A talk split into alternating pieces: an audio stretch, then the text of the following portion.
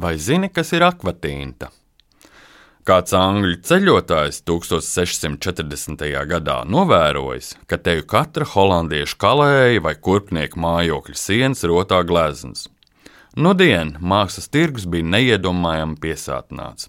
Mākslas darba pasūtītājs vairs nebija baznīca vai monarhs, bet gan plašais buržuāzijas slānis. Mākslā radās pilnīgi jauni, līdz šim neeksistējoši žanri, kā klusā daba, ziedu kompozīcijas, gastronomiskās kompozīcijas, zemnieku dzīve, pilsētas un jūras ainava.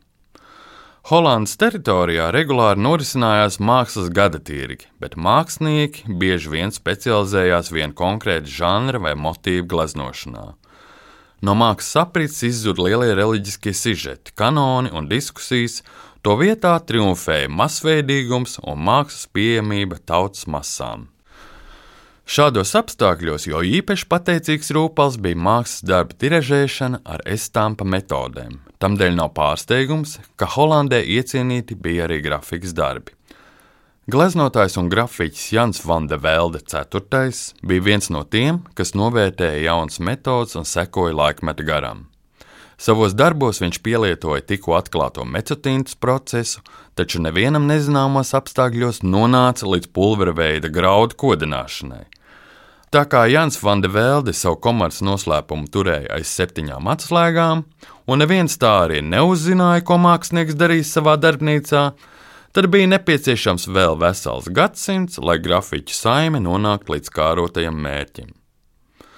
Pulvera veida graudu kodināšanas metodē nosaukumu akvatīnta ap 1770. gadu devis populārais britu ainavu akvarelists un karšu izgatavotājs Pols Sandbijs. Tas ir visnotaļ likumsakarīgi, ka akvatīntai uzmanību pievērsis tieši akvarelistu saimnes pārstāvis, jo viens no akvatīnas centieniem bija akvareļu tekstūras imitēšana. Vairāki grafikas meistari 18. gadsimta vidū ar skubu nodevās dobspiedēju svētā grāla meklējumiem. Šo procesu galu galā vainagoja franču grafiķa un gleznotāja, galantā laikmeta spīdekļu François Bouchēra skolnieka Žana Batista Leprēnce centieni. Savus akvatīnas darbus viņš publikai izrādīja 1768. gadā, un noteiktās aprindās tie tika sagaidīti ar neviltotu sajūsmu.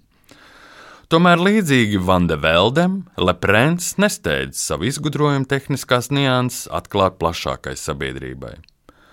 Lielu interesētību šajā lietā izrādīja pazīstamais franču literārais žurnāls Mercure de France, kura redaktori cerēja, ka Leprēns savu tehniku nodos publiskai lietošanai, tā radot iespēju reproducēt slēgtās kolekcijās glabātos mākslinieku darbus vai pat publicēt visus ikgadējā Parīzes salona darbus. Leprēns savukārt nevēlējās izrādīt filantropisku žestu un spītīgi turpināja turēt sveci zem pūra. Tomēr, kur graudi, tur arī peles, un akvatīnas amata noslēpumi pamazām tika nopludināti. Aptvērs šo skarbo dzīves reāliju, Leprens vērsās pie Francijas Zinātņu akadēmijas ar piedāvājumu akvatīnas tehnoloģiju no viņa nopirkt.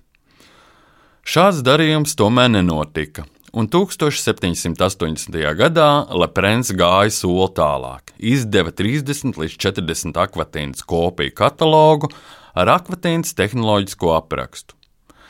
Jāteic, ka akvatīnas triumfs neturpinājās ilgi.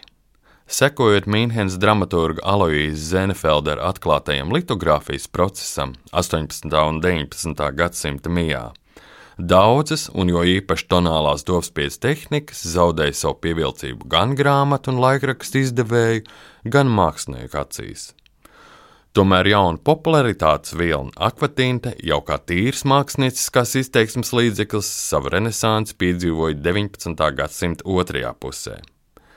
Lielā mērā tam par stimulu kalpoja pasaules izstāde Parīzē 1867. gadā, kuras ietvaros plašu amatniecības, lietišķās un staigājas ekspozīciju organizēja izolacionismu politiku nulli noslēgusī Japāna. Šīs noslēpumā tītās austrumu civilizācijas uzmirdzēšana atstāja iespaidu nevien uz plašām sabiedrības masām, bet jo īpaši uz impresionismu māksliniekiem. Impresionisti sāk izmantot akvatīnas procesu savos darbos. Viņu vidū tādi vārdi kā Eduards Manē, Feliciens Rops, Edgars Degā, Kamils Pisaro un Žaks Vions.